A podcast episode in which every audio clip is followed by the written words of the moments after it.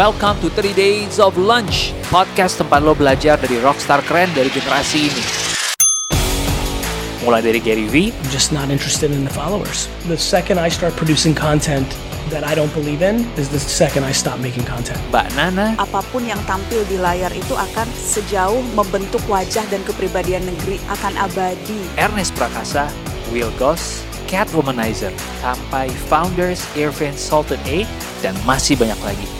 Kalau lo haus inspirasi dan lo serius mau upgrade diri, well, you are welcome to join the lunch.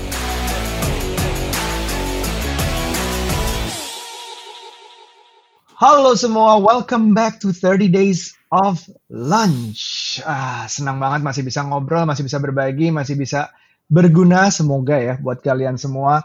Dan gue di sini masih sama Ruby. Halo Ruby, masih kan ya? Kita kayaknya Ya. Mengingat waktu yang terbatas nih sama Bro Denny, langsung aja kali kita ke obrolan nih. Karena banyak banget yang pengen gue kupas soal properti. Selamat siang para pendengar 30 Days of Lunch. Selamat siang Mas Arius, Mas Ruby. Selamat siang, Semangatnya semoga semua. Tetap luar biasa nih saya lihat. Mantap. Iya, semoga semua yang mendengarkan sambil makan siang, kita berharap makan siang kita berguna di perut dan kepala. Hari ini um, aku juga mau ceri- cerita nih ya selama tiga bulan kemarin, bahkan sebelum pandemi kan tujuanku adalah mencari properti untuk tinggal. Sekarang pertanyaannya, properti ini di tiga bulan terakhir ini eh, berharap nih agak-agak berharap kita pernah bahas di podcast sebelumnya dengan Big Alpha bahwa kita salah satu aku gue sih salah satu yang ngelihat uh, berharap eh ini ada yang bakal turun gak ya harga properti gara-gara pandemi. Aku pengen cerita dikit dong. Hari ini kita ngobrolin sekitar properti. Di pandemi ini ada pengaruhnya nggak sih? Ya, secara overall atau secara garis besar tentu ada Mas Aryo, Mas Ruby ya. Jadi yang Hmm. kita bisa lihat di pasar, developer mengeluarkan banyak promo-promo ya. Ada yang dari segi cara bayar, ada yang segi dari segi eh, harganya eh, berbeda. Saya lihat banyak developer mengeluarkan promo COVID ya. Promo COVID, COVID. dijadikan promo. Ha. Waduh, oke. Jadi sebenarnya eh, karena secara keseluruhan, nah, secara keseluruhan pasar itu ya karena keadaan nggak menentu ya, banyak see. Jadi developer bisnis kan tetap harus goes on ya, life goes on. Jadi untuk eh, mengatasi atau untuk menghadapi pandemi ini, tentu developer putar otak lagi nih, gimana konsumen bisa melihat value yang ada ketika dia beli di saat-saat seperti ini gitu loh. So good time untuk bargain atau melihat-lihat buat yang lagi mencari properti nih. Good timing menurut saya gitu. Oh, itu jadi benar ada yang keadaannya memang um, misalnya kan kita ngelihatnya apakah benar ini semua akan BU, ada yang BU misalnya atau ada yang uh, tadi promo Covid. Tadi promo Covid itu maksudnya gimana sih? Jadi yang saya lihat ya, tentu saya nggak generalisis, tapi beberapa- developer promonya misalnya cicilan bulanannya yang tadinya 5 juta, sekarang bisa jadi 2 juta, ada yang bahkan sejuta gitu. Ah. Jadi kalau beli sekarang gitu loh. Jadi itu salah satunya promo COVID. Ada yang juga eh, mengeluarkan produk baru yang lebih nyaman di kantong. Ya. Banyak sih mas, kalau mas lihat di pasar primary atau pasar-pasar dari developer proyeknya, cukup banyak yang menurut saya wah Hmm. menarik sekali nih gitu kalau bisa masuk sekarang gitu atau bisa beli sekarang gitu loh. Bro Denny sendiri di saat-saat seperti ini ada properti inceran gak nih? Wah ini udah lama gue tunggu-tunggu nih. Gue masuk es sekarang gitu. Saya kebetulan tahun ini atau saat ini belum. Cuman karena tahun lalu saya udah masuk duluan nih. Saya beli satu apartemen di daerah Jaksel buat investasi lah ya. Ya, yang saya lihat Oh, itu oke. untuk nanti Hmm. saya sewakan lagi itu potensinya tinggi sekali gitu loh. Jadi saya nggak masuk Hmm. lagi nih tahun ini. Kalau setiap Hmm. tahun beli lagi, wah harus jadi konglomerat dulu nih, Mas Ruby. tapi tapi maksudku Bro Denny kan juga udah lumayan lama ya belasan tahun di dunia properti. I mean apalagi kalau sempat ngalamin keseruan properti setelah krisis 2008 Hmm. em, itu kan menurut saya capital gain yang didapat kalau masuk di saat-saat seperti itu kan banyak banget tuh. Hmm. Menarik tadi eh, jemputin soal beli untuk sewa tapi juga kita bisa beli untuk capital gain. Nah, sebenarnya Hmm. untuk properti sendiri gimana sih cara kita untuk memilih oh saya mau masuk kalau properti kayak gini buat sewa, properti kayak gini saya beli buat capital gain. Jadi mungkin cerita dikit pengalaman saya. Saya 15 tahun di properti. Saya Yes. eh, pernah di Singapura ya 8 tahunan lebih dan di Indonesia ya saat ini jalan tahun ketujuh lah ya. Jadi Hmm. di Singapura itu saya masuk ketika masa-masa boomingnya Singapura ya. Jadi Marina Bay Hmm. semua itu masih dalam perencanaan ya, belum benar-benar ada kelihatan barangnya. Jadi progres dari sebuah perkembangan sua- suatu negara itu kita saya bisa lihat dari sana gitu. Jadi dari pemerintah Indonesia forecastnya kan untuk tahun ini pertumbuhan ekonomi kita cenderung negatif ya, defisit lah ya. Jadi eh, ini banyak yang menyamakan dengan keadaan 2008 ya, global Hmm. eh, krisis global lah ya. Balik lagi ke properti itu yang kita lihat tentu ada dua tipe eh, pembeli properti ya. Kita generalis generalisi investor lihatnya capital gain ya dan returnnya. Return dalam arti ketika saya sewakan return yang bisa da- saya dapatkan setahun berapa ya.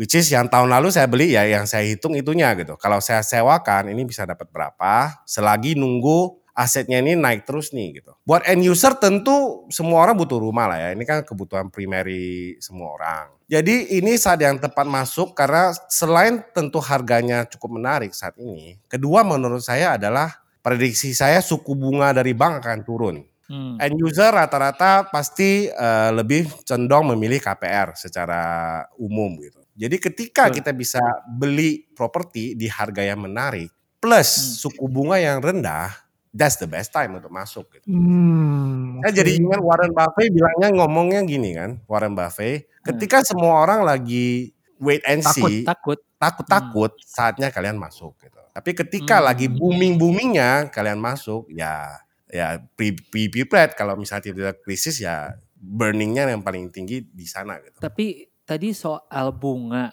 uh, KPR, Mm-mm. uh, dua hari yang lalu kan baru baru, baru disesuaikan lagi nih, jadi 4,25 persen bunga dari BI. Hmm. Secara historis nih, karena Bro Denny udah lama, belasan tahun, apakah ini rate yang terendah yang pernah kita alamin? Atau emang udah bagus banget nih, nggak mungkin lebih rendah lagi? Ini kita nggak boleh tarik langsung dibandingkan begitu ya, Mas Ruby ya. Karena Betul. kenapa? Karena Mm-mm. kan suku bunga itu banyak faktornya ya, inflasi, ya, pertumbuhan ekonomi suatu negara dan segala macam. Tapi kalau kita anggap jangan lihat suku bunga persentasenya, tapi kita sesuaikan dengan Mm-mm. keadaan sekarang, menurut saya menarik sekali gitu. Mm. Menurut saya menarik sekali saat ini gitu. Saya melihat terbaru ada dari KPR di bawah 5% loh Mas Ruby gitu.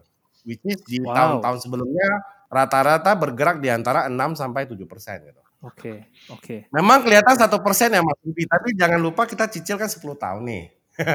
Satu persen dari satu persen dari enam persen itu udah kurang lebih 15 persen Mas turun suku bunganya gitu. Iya, iya. Iya ya, Benar, iya benar, juga. Ah, benar. Dan buat teman-teman yang nggak dengerin, mungkin kalau kalian adalah pembeli, eh, kalau lo adalah pembeli properti pertama, mungkin yang belum ngerasain. Tapi gue dulu waktu beli di sekitar 8-9 tahun yang lalu, gue inget banget eh, bareng-bareng sama temen gue, gue nyicil ke developer, dia nyicil ke bank. Waktu itu bunga banknya dia itu sampai di atas 11% per Hmm, tahun. hmm. Eh, bahkan sempat hit sampai 13%. Jadi eh, sekarang nih ketika ngelihat angka di single digit dan di bawah 5 per, eh, 6 7 persen buat gue tuh gue udah tergoda banget sih untuk Menarik masuk, sekali masuk, kan? masuk. Nah. Belinya di Karena mana pernah ngalamin 13 persen. Waktu itu ngambil di eh, apartemen di area Pluit. Oh, Oke oke. Udah lama sekali ya. Iya. Berarti capital gain-nya udah Udah berapa kali lipat tuh Mas? Ya hampir satu kali lipat. Oke. Apa sih penyebab suku bunganya jadi begini? Kira-kira yang khususnya kepada properti, apakah masalah demand saja? Misalnya, apakah demand itu eh, kita kan nggak nemukan ngomongin bahwa kalau milenial mau punya rumah itu mau nabung sampai kapan? Sampai akhirnya punya rumah tuh MM-an di Jakarta gitu, apalagi di daerah-daerah yang primer lah gitu. Itu kan jadi apakah karena demi naik ningkatin demand atau atau karena mangka pasar rumah itu nggak pasar properti itu semakin nggak kekontrol harganya apa gimana itu ya? Kenapa bisa jadi Eh, ini Serendah kan ini gitu dari hubungannya. sisi pandang seorang ekonom lah ya. Saya bukan ekonom, tapi dari yang saya lihat, tentu pemerintah mau incentivize ekonomi berjalan lagi nih, Mas Mas Aryo. So untuk Hmm.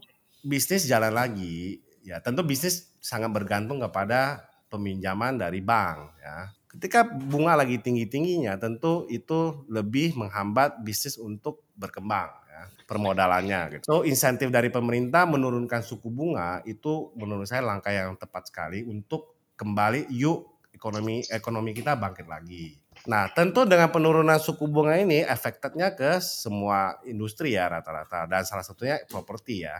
Karena kan Hmm. suku bunga dari BI-nya turun, tentu otomatis suku bunga dari bank itu ikut turun juga. gitu. So Hmm. bukan demi properti ya, tapi untuk Hmm. ekonomi secara keseluruhan, makanya pemerintah menurunkan suku acuan Bank Bank Indonesia. gitu. Oke, oke, paham. Mungkin kalau soal bunga yang bisa saya ambil sekarang adalah saatnya eh, untuk mempertimbangkan karena momen seperti ini jarang sekali terulang sebagai Hmm. orang yang pernah ngalamin.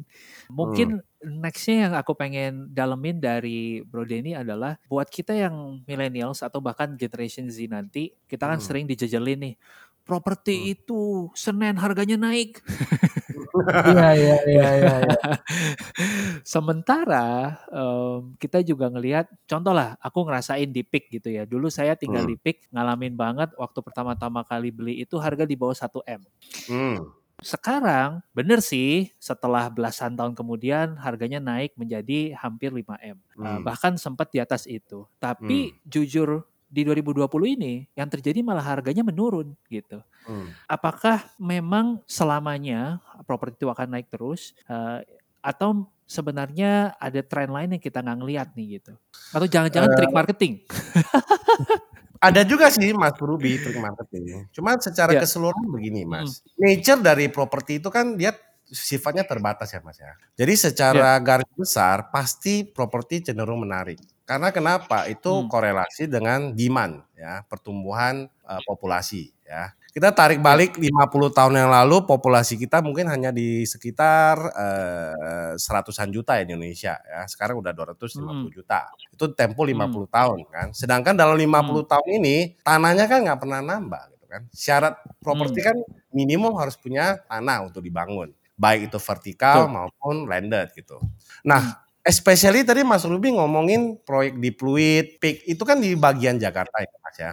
Hmm. Khususnya Jakarta ini unik kenapa Mas? Itu pusat urbanisasi. Jadi seluruh Indonesia orang-orang kalau mau pindah mereka akan selalu consider Jakarta dulu nih gitu. Iya. Jadi urbanisasi ini sesuatu udah populasi bertambah, urbanisasi lagi nih dari berbagai pulau masuk ke Jakarta. Makanya harga properti pasti cenderung kita lihat secara garis besar pasti naik. Kita jangan lihat yang short term yang seperti bulanan atau satu tahun gitu ya. Karena itu Hmm. ada faktor koreksi pasar. Kenapa Hmm. koreksi pasar ya? Yang tadi saya bilang mungkin developer patok profitnya lebih tinggi di sebelum-sebelumnya Hmm. di saat pandemi seperti ini apakah oke lah cuannya lebih dikit deh nggak apa-apa yang penting Ya, gerak ya, ya, dulu ya. ya itu satu jadi Hmm. satunya tapi balik lagi mengenai apakah properti ini kalau naik terus eh, nanti suatu hari kita nggak bisa beli lagi nih menurut saya Nah, itu tentu pertanyaan juga. berikutnya tuh. Iya benar. ah, saya tahu nih saya tahu Mas Ruby banget saya tahu pasti mau nanya ini karena gini Mas manusia itu kan inovatif ya jadi ketika Hmm. pandemi kita semua har- diharuskan nggak boleh keluar, keluarlah virtual meeting ya. Hmm. Keluarlah virtual meeting gimana bisnis tetap jalan tapi kita mengubah perilaku. Properti juga Hmm. sama gitu. Hunian vertikal kita lihat makin lama makin banyak. Tujuannya apa? Sebenarnya ya sama, biar tanah ini nggak nggak menambah tapi bisa meningkatkan jumlah huniannya itu loh lewat bangun ke atas gitu atau lebih lebih Hmm. tinggi lah gitu. Hmm. Iya. Hmm. Hmm, Hmm, itu hmm, solusinya. hmm, Jadi buat milenial yang saya rasa mungkin eh, dengan gaji 10 juta pun ya, combine income nih 5 juta 5 juta sudah bisa beli satu eh, apartemen yang menurut saya standarnya Hmm. cukup bagus. Kalau mau membandingkan dengan misalnya negara lain ya, paling dekat mungkin tadi udah Hmm. pernah ngobrolin Singapura, bahkan pemilik properti Singapura juga udah jualnya ke Indonesia ya. Kalau waktu saya ke UAE setiap kali berkunjung ke sana itu em, yang namanya Emirati atau local people tuh dapat jatah tanah dan rumah gitu. Kalau Hmm. foreigner beda.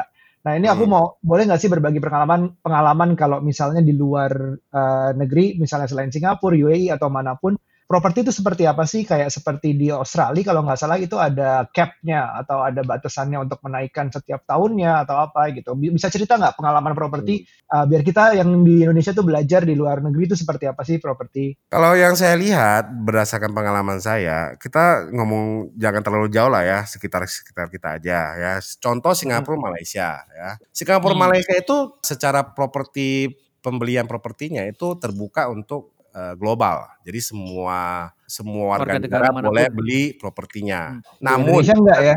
Uh, Indonesia belum nih, ya belum. Hmm, hmm, hmm, Namun uh, pemerintah Singapura itu juga contoh Singapura, tentu untuk lokal ada preferensi nih, ada kelebihan lah. Asing sekarang kalau beli properti di Singapura itu ada pajak perpindahan namanya itu 23% dari harga jualnya. Hmm. Ya, hmm. harga properti Singapura kita tahu lah ya, harganya tinggi sekali. Selain hmm. karena lahannya terbatas seperti Hong Kong, juga hmm. banyak populasi atau uh, epicenter untuk financial hub maupun education hub. So hmm. di sana maka harga bisa tinggi sekali. Ditambah infrastruktur dari pemerintahnya itu terus menambah value dari properti ini. Gitu. Ya. Selain hal-hal lainnya seperti keamanan, sekolah, edukasi dan lain-lain. Australia juga sebenarnya terbuka untuk asing. Namun kalau kita rata-rata kan semuanya rata-rata terbuka untuk asing.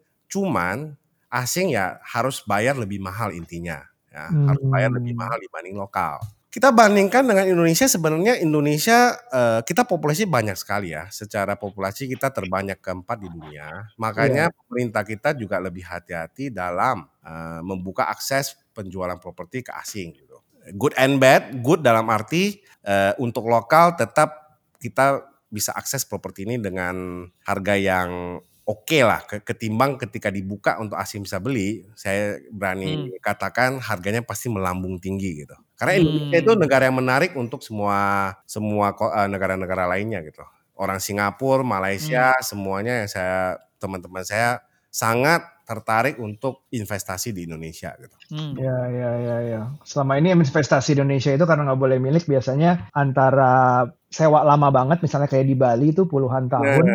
Nah, hingga uh, mungkin uh, kawin kontrak menikahi orang lokal di properti. kontrak ya. Karena kan undang-undang kita menjamin kepemilikan itu adalah warga negara Indonesia. Ya. Iya betul. Jadi kalaupun kita hmm. PT Indonesia, kita mau memiliki hak milik sebuah properti itu nggak bisa, mas. Iya betul, betul, hmm. betul. I see. Padahal itu udah dijagain juga ya, tapi um, harga properti juga masih tinggi ya. Apalagi Harga kalau misalnya, kita mau dibilang murah nanti saya dimarahin milenial ya. Bisa. Tapi sebenarnya murah ya dibanding Sebenarnya ya? saya bilang affordable lah, masih bisa terjangkau. Ah, oke oke oke oke oke oke. Hmm. Oke. Ini ini statement yang menarik nih soalnya. Ini hmm. takutnya saya juga didebat sama pendengar nih ya. Iya. Bro ini.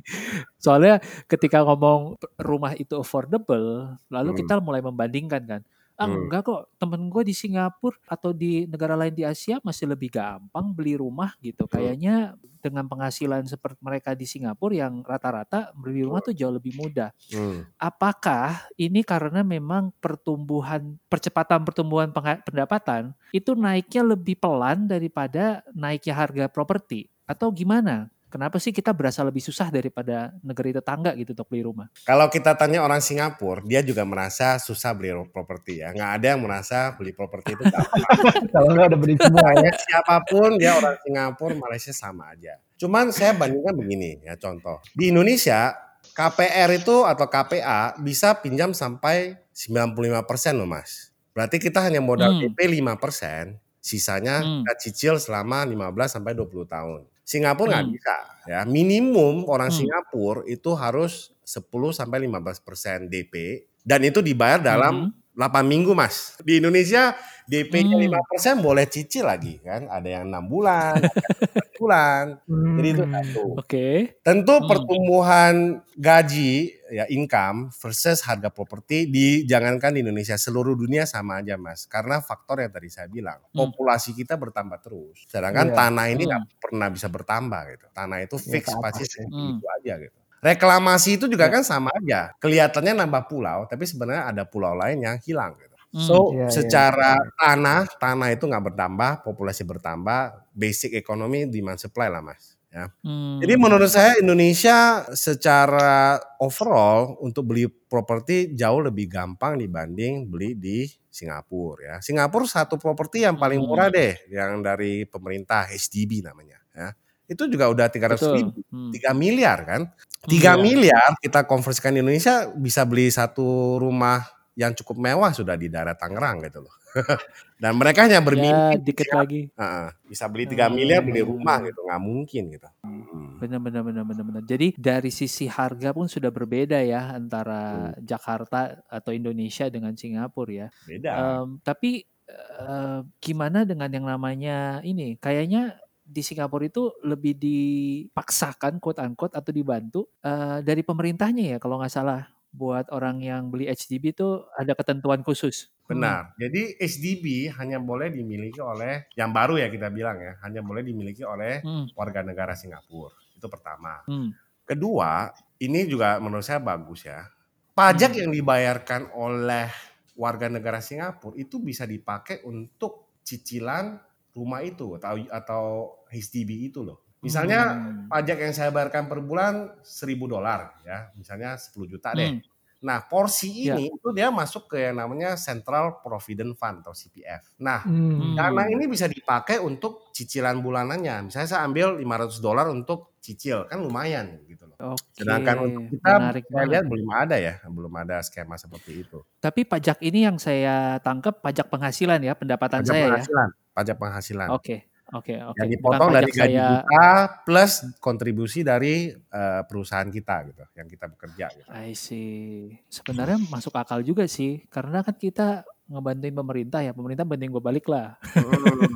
Iya iya iya. iya. berpajak. Kalau bisa Make seperti sense, itu, sense. saya yakin Indonesia eh, secara overall lebih bisa beli rumah, sih. lebih terjangkau Dan. Dan mungkin market properti pun jadi lebih panas ya Pak ya. Jangan sampai panas lah ya, panas sesuatu yang nggak bagus, tapi pertumbuhannya bagus gitu ya. Iya iya. Karena panas, takutnya ya pasti ada yang wah panas kita jual lebih mahal, lagi-lagi nanti Iya. suatu hari bubble ya. Jangan, Oh. jangan sampai terjadi seperti bubble di Amrik. Bro, Iya, Denny, iya, uh, iya, ini iya, kan tadi dibandingin sama negara lain, mungkin Indonesia masih lebih affordable untuk dapetinnya. Yang yang mungkin menurut saya, correct me if I'm wrong, yang harus dinaikin adalah tingkat pendapatan orang Indonesia. Artinya, artinya dia lebih produktif, lebih menghasilkan, sehingga nyampe itu gitu. Jadi kalau Hmm. kita ngobrol nih sama uh, pendengar yang misalnya uh, mas mau rencana pengen punya rumah entah itu untuk ditinggali atau diinvestasikan, langkahnya gimana sih kita apakah kapan waktu yang tepat untuk untuk misalnya gaji berapa udah bisa nyicil atau tunggu sampai gaji berapa atau tunggu sampai full misalnya duitnya cash full cash. Jadi mana yang paling ideal ketemu di berapa persen gajinya sampai berapa sehingga bisa menghasilkan bisa beli rumah nyicil di berapa gitu misalnya. Menurut saya beli properti selama kita bisa merasa nyaman cicilnya itu udah saat yang tepat. Pertanyaannya kan di Hmm. sini, kapan duit kita cukup? Iya, Hmm. Duit itu nggak pernah cukup gitu. Tanya Bill Gates juga dia merasa duitnya nggak cukup gitu loh, ya kan? Duit buat manusia nggak pernah cukup. Cuman gini, kadang-kadang apalagi Hmm. pendengar 30 Days banyak milenial ya. Kita tanya balik ke Hmm. diri kita masing-masing. Starbucks setiap hari kita sanggup ya. Hmm. Eh, GoFood, Gojek ya, Traveloka setiap hari dibuka untuk traveling ke mana-mana. Setelah PSBB berakhir, saya takutnya ini udah mulai planning nih. Wah, saya udah kekurung di rumah kelamaan, saya udah mau liburan. Bisa, bisa. Kita ngomong paling Saya gampang itu. deh. Dari Jakarta ke Bandung ya. Kita liburan weekend. Kita sewa hotel ya, kita makan, kita main lah ya, entertainment. Habis juga berapa? Sejuta, satu juta setengah ya, buat dua Iya. malam gitu ya. Itu udah bisa setengah cicilan DP loh untuk eh, cicilan bulanan untuk beli satu apartemen gitu. Karena yang saya lihat Hmm. sekarang banyak apartemen yang cicilan bulannya 2 jutaan sampai 3 juta. Tolak ukur Hmm. dari affordability yang kita lihat dari bank adalah 30% dari pendapatan kita itu adalah acuan untuk cicilan bulanan yang bisa kita diterima. Jadi misalkan yang tadi Hmm. balik lagi, apartemen cicilan bulanannya 3 juta nih Mas. Berarti income-nya harus 10 juta. Benar dong? Kali tiga kan? Hmm. Hmm, hmm, hmm, Hmm. Kita work Hmm. backwards lagi nih Mas ya, work backwards. Untuk dapat income 10 juta combine berarti masing-masing Hmm. misalnya suami istri ya, 5 juta 5 juta dong. Hmm. Benar nggak? hmm. Hmm. 5 juta 5 Hmm. juta fresh graduate lah ya atau yang baru lulus saya lihat minimum penghasilannya juga udah 4 juta nih Mas. starting salary gitu. Hmm. Jadi mungkin kerja setahun lagi atau dua tahun udah sebenarnya sanggup gitu. Pertanyaannya balik ke kita Hmm. aja lah. Kita mau nggak nih eh, untuk planning untuk future kita? Apalagi pendengar Hmm. khusus yang eh, wanita, lihat tuh pacarnya, komit nggak tuh? Ya, apa hanya mau main-main doang nih? Nggak mau main-main doang, nggak mau komit kawin, nggak mau komit beli rumah ya. Menurut saya cowok Iya, kalau udah iya. komit beli rumah, hidupnya berubah mas, lebih bertanggung jawab. Gitu. Wih. Iya, Hmm. iya, iya. iya. Jadi buat pendengar cowok, Iya, iya, ayo komit gitu. iya. Iya, Jangan iya, iya, main-main terus gitu. Iya, iya. Terus buat pendengar cewek, setelah setahun pacaran, udah jangan ke mall terus, pergi ke expo properti, langsung minta cowoknya DP. Karena benar dong. Kita bilang fresh graduate deh, ya. Rata-rata Indonesia milenial udah lulus eh, kuliah udah banyak lah ya. Starting salary di gaji Hmm. mana pun perusahaan, baik kecil maupun perusahaan besar, itu 4 juta udah nggak lari gitu. Saya work Hmm. backwards lagi, ini semua ngomong bukan bahasa marketing ya, tapi ini data gitu. Bank meminjamkan kita cicilan bulanan 3 juta, kalau income kita di combine itu 10 juta, tiga kali lipat gitu. Which is Iya. Hmm. buat pendengar 30 days, kamu dan pacar kamu atau istri kamu di combine income-nya 10 juta udah bisa beli apartemen sebenarnya, benar gitu. Hmm. Oke, Iya, oke, oke, oke. tergantung di expense-nya ya, pengeluarannya itu yang harus benar-benar dikontrol. Memang prioritasnya sih mau beli rumah dulu ya, mungkin Hidup yang apa nih gitu.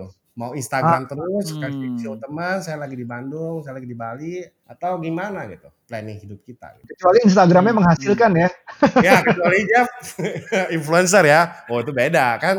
Ya invest untuk dapat duit lagi gitu kan. Iya betul betul betul. Berikutnya yang jadi menarik adalah gimana eh, ngebantu si teman-teman ini termasuk gua sendiri pun masih lagi mencari eh, rumah untuk tinggal Hmm, untuk menentukan eh, gue cocoknya di sini, gue cocoknya di sini gitu. hmm. Kalau saya ngelihat kecenderungannya kita ujung-ujungnya akhirnya beli rumah itu ya nggak jauh-jauh dari orang tua gitu karena Hmm. ya nanti kalau gue punya anak ada orang tua gue bantuin kalau Hmm. gue mesti berkunjung nggak perlu jauh-jauh kalau bisa tinggal buka pintu belakang ternyata rumahnya connect Nah benar tuh. Eh, atau atau sebenarnya ada cara lain sih untuk kita memilih satu area gitu. Apakah Hmm. kita milih yang oh ini lagi berkembang nih areanya, nanti gue bisa capital gain gitu. Hmm. Ujung-ujungnya sih balik ke kita pribadi ya mas ya. Satu kita bilang tentang Hmm. untuk nggak usah ngomong investment dulu lah. Kita ngomong buat tinggal keperluan kita Hmm. sendiri. Biasanya Hmm. dilihat dari kecenderungan konsumen, mereka itu nggak mau terlalu jauh dari lingkungan yang mereka sudah familiar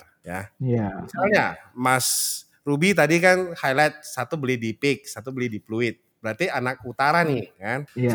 Unlikely anak utara itu mau lihat sampai ke daerah timur yang sampai Bekasi ya, sampai ke Kerawang Hmm, gitu hmm. kan. Tapi vice versa sama juga nih Mas. Orang Bekasi nggak akan mau consider lihat oh sampai ke Tangerang. Karena ya satu tadi benar Hmm. faktor family kita biasanya ya tinggalnya de- dekat-dekat daerah sini kita maunya comfortable-nya enak next time punya anak mau nitipin gampang kan Iya. itu salah satunya Hmm. jadi tergantung habit kita itu menentukan ya kita kerjanya di mana nih atau kita punya perusahaan di mana nih Hmm. keluarga kita di mana Hmm. itu satu kedua tentu pilihannya udah tahu nih misalnya daerah A atau daerah tadi contoh Iya. deh fluid ya maka fluid mungkin ada pilihannya high rise apa low rise oke atau landed misalnya kan Hmm. itu balik lagi ke preferensi kita ya. Yang saya lihat Oke. milenial cenderung sekarang lebih suka tinggal di high rise. Kenapa? Satu lebih nggak ribet ngurusnya gitu. Kalau landed kan lebih ribet ya.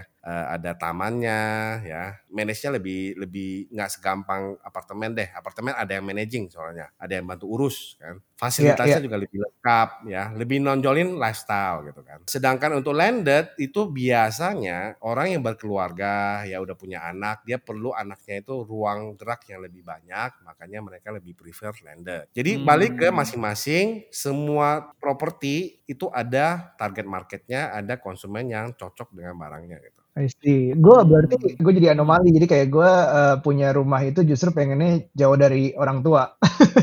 Hmm, Jauh dari orang tua tapi kan nggak dari selatan sampai ke jauh banget ke utara gitu kan. Ya, ya, ya maksudnya em, dulu saya kecil di timur, sekarang eh, hidup sejak menikah ya di selatan, maunya agak jauh dan sekarang lebih. Kenapa masih selatan kalau boleh tahu?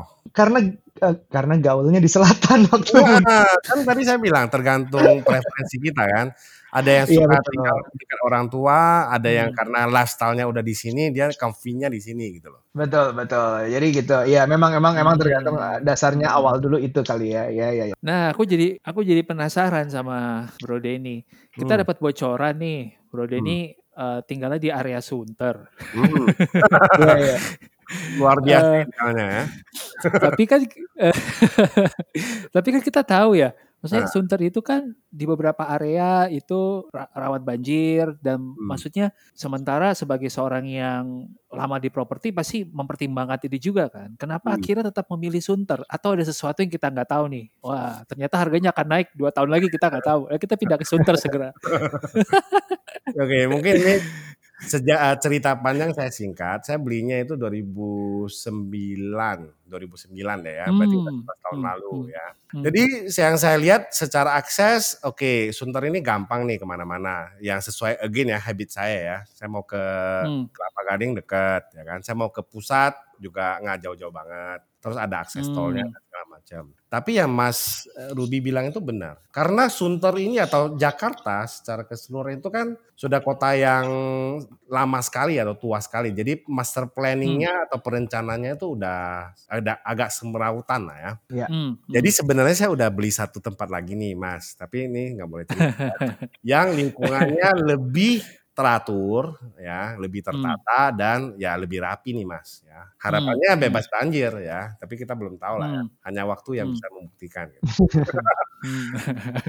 nah, jadi memang awal saya masuk saya lihat di sana. Nah, terbukti ya yang saya lihat cukup tepat nih Mas. Dari yang saya beli hmm. itu kurang lebih saya udah naik dalam 11 tahun, saya lihat udah empat kali lipat yang saya beli. Hmm. Nah, lumayan lah ya, lumayan. Nah, 11 tahun ink, apa asetnya bertambah nilai menjadi empat kali lipat gitu loh.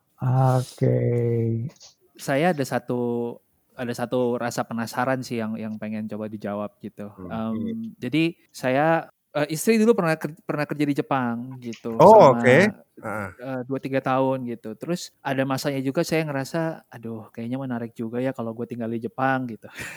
Hmm. di Tokyo. Akhirnya saya sampai niatin tuh riset. Gue jadinya sempat kepikiran bisa nggak ya gue hmm. kalau punya rumah di Jepang tinggal di Jepang kerja di Jepang gitu nah gue googling lah ternyata gue menemukan harga apartemen yang seukuran yang gue cari sekitar 100 square meter itu ternyata nggak beda jauh sama di Jakarta bro hmm. uh, dan itu yang bikin gue kaget gitu abis hmm. itu gue jadi cari lebih lanjut dong ternyata hmm. ada yang namanya housing index atau perbandingan rata-rata harga rumah terhadap penghasilan. Hmm. Nama indeksnya adalah price to income ratio. Jadi hmm. kita butuh penghasilan berapa tahun sih sampai akhirnya bisa beli sebuah rumah di negara tersebut. Hmm. Ya, ini pakai penghasilan rata-rata dan pakai ukuran rumah rata-rata di negaranya. Hmm. Ternyata gue menemukan orang Indonesia itu untuk bisa beli rumah rata-rata butuh penghasilan 18 tahun hmm. untuk dapetin okay. satu rumah. Hmm. Jepang Sementara berapa?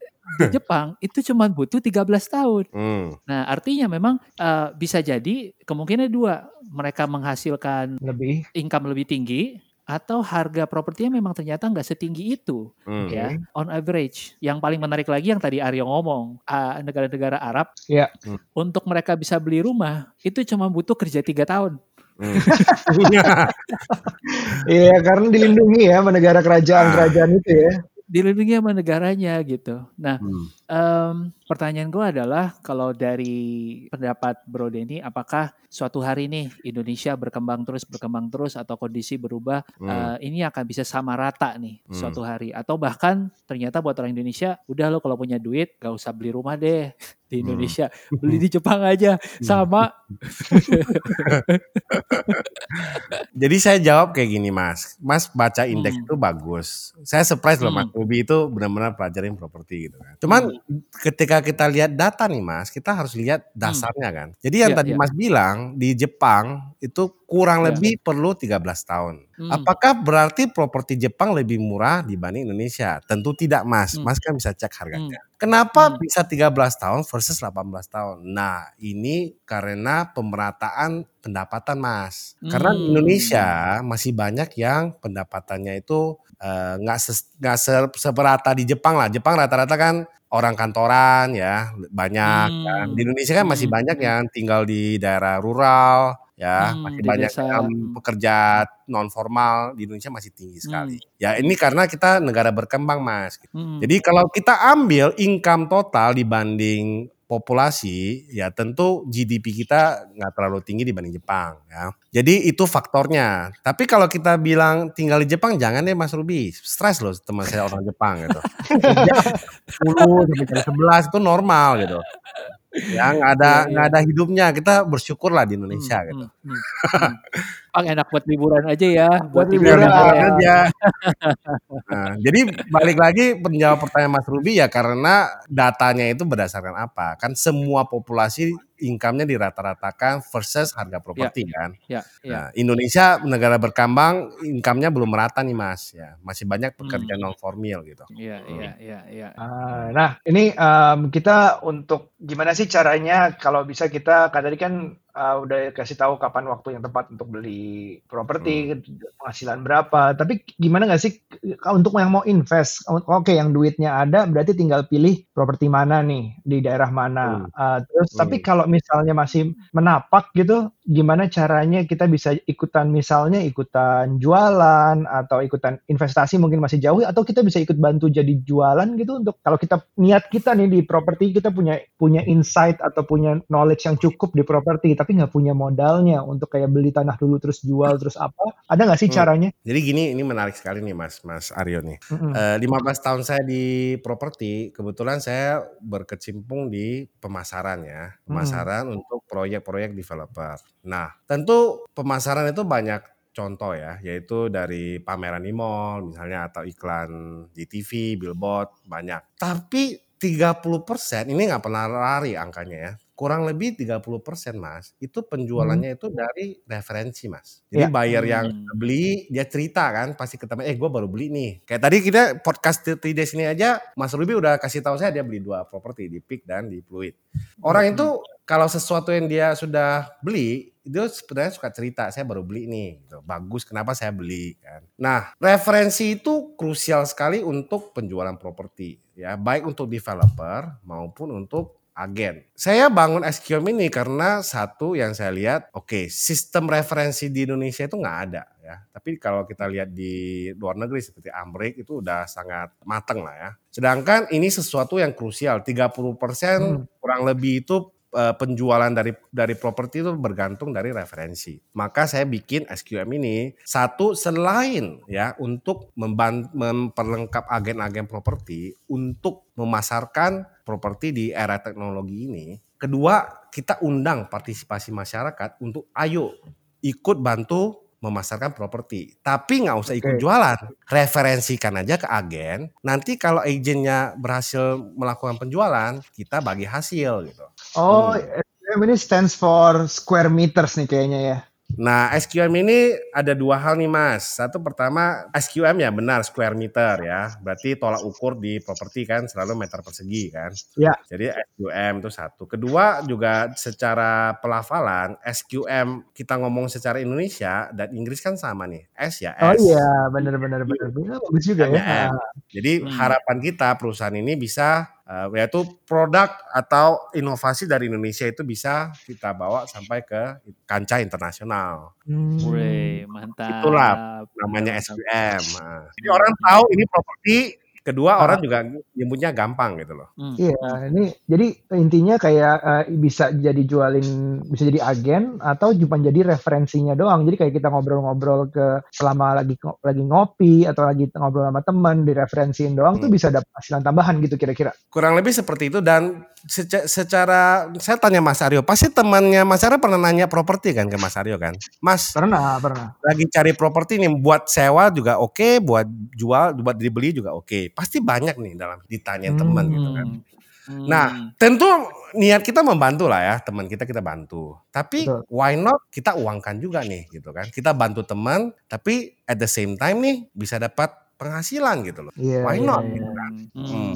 Karena agen benar-benar don't mind untuk ketimbang dia bayar promosi iklan-iklanan, mendingan dia Hmm. dapat dari referensi gitu. Dia bagi Hmm. hasil. Agent don't mind Betul, betul. banget. Hmm, oke. Jadi saat ini juga kalau saya mau, saya bisa download app SQM, terus Benar. memasarkan rumahnya Aryo yang sekarang lagi mau dijual, terus saya dapat persenannya.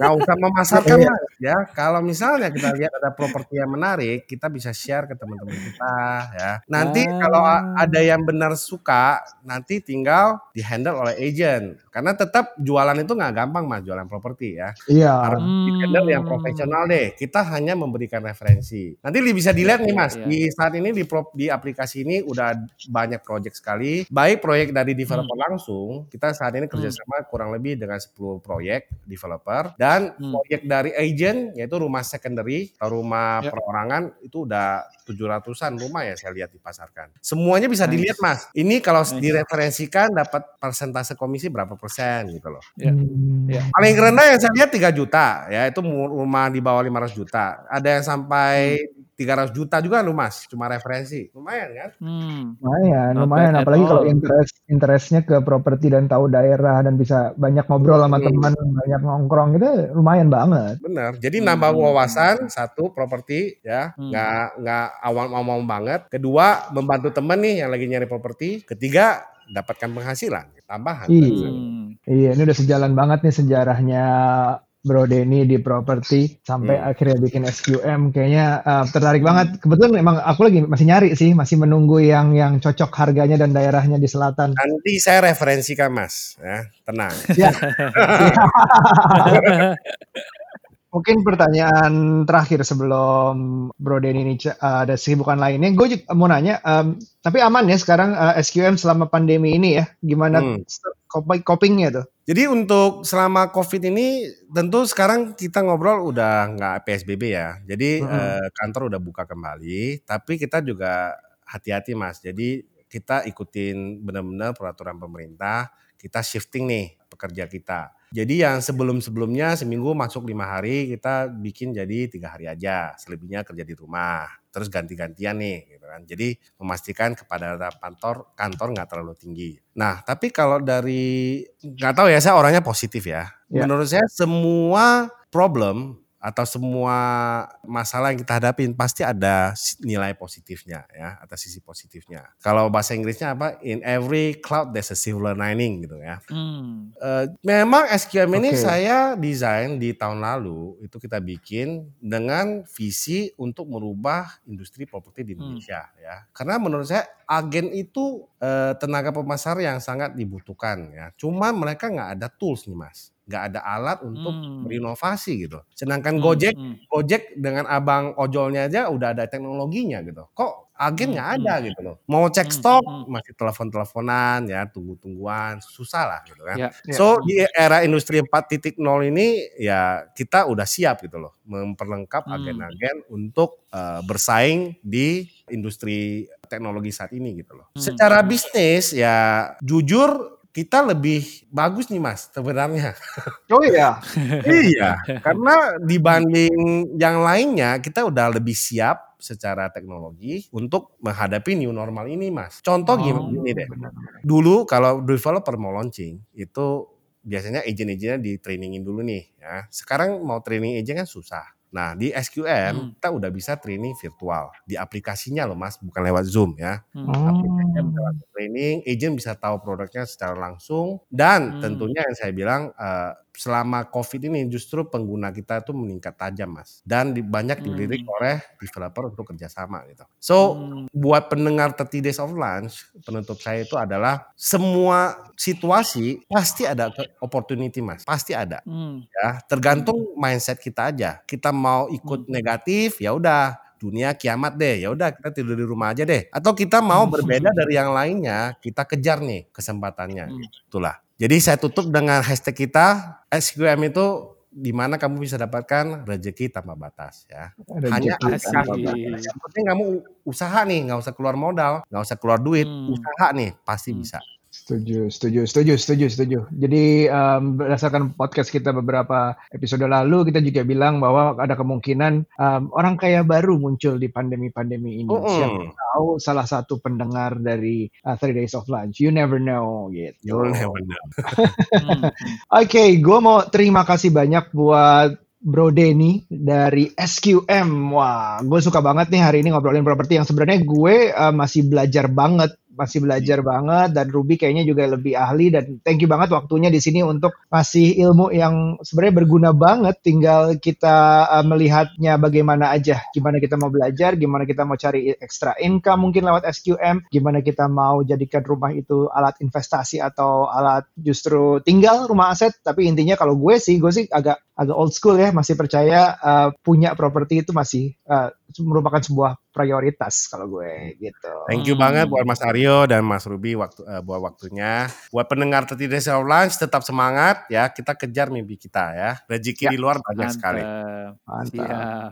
Eh, terakhir dari gue tambahin sedikit. Sekali lagi thank you eh, Bro Denny untuk sharingnya. Mungkin suatu saat nanti kita bisa ngobrol lagi. Karena pengalaman di Singapura sama di Australia itu gue yakin kalau digali lagi banyak banget tuh.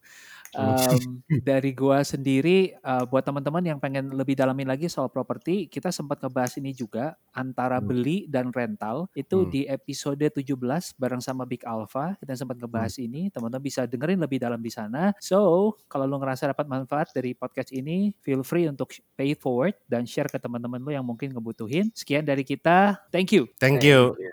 Lenovo Back to School promo masih ada sampai tanggal 30 September. Ada GoPay voucher senilai sampai 1 juta rupiah untuk online dan offline channel atau voucher code tambahan 500 ribu rupiah untuk channel-channel seperti Blibli, Topet, dan Shopee. Jadi buruan, masih bisa sikat Lenovo-nya.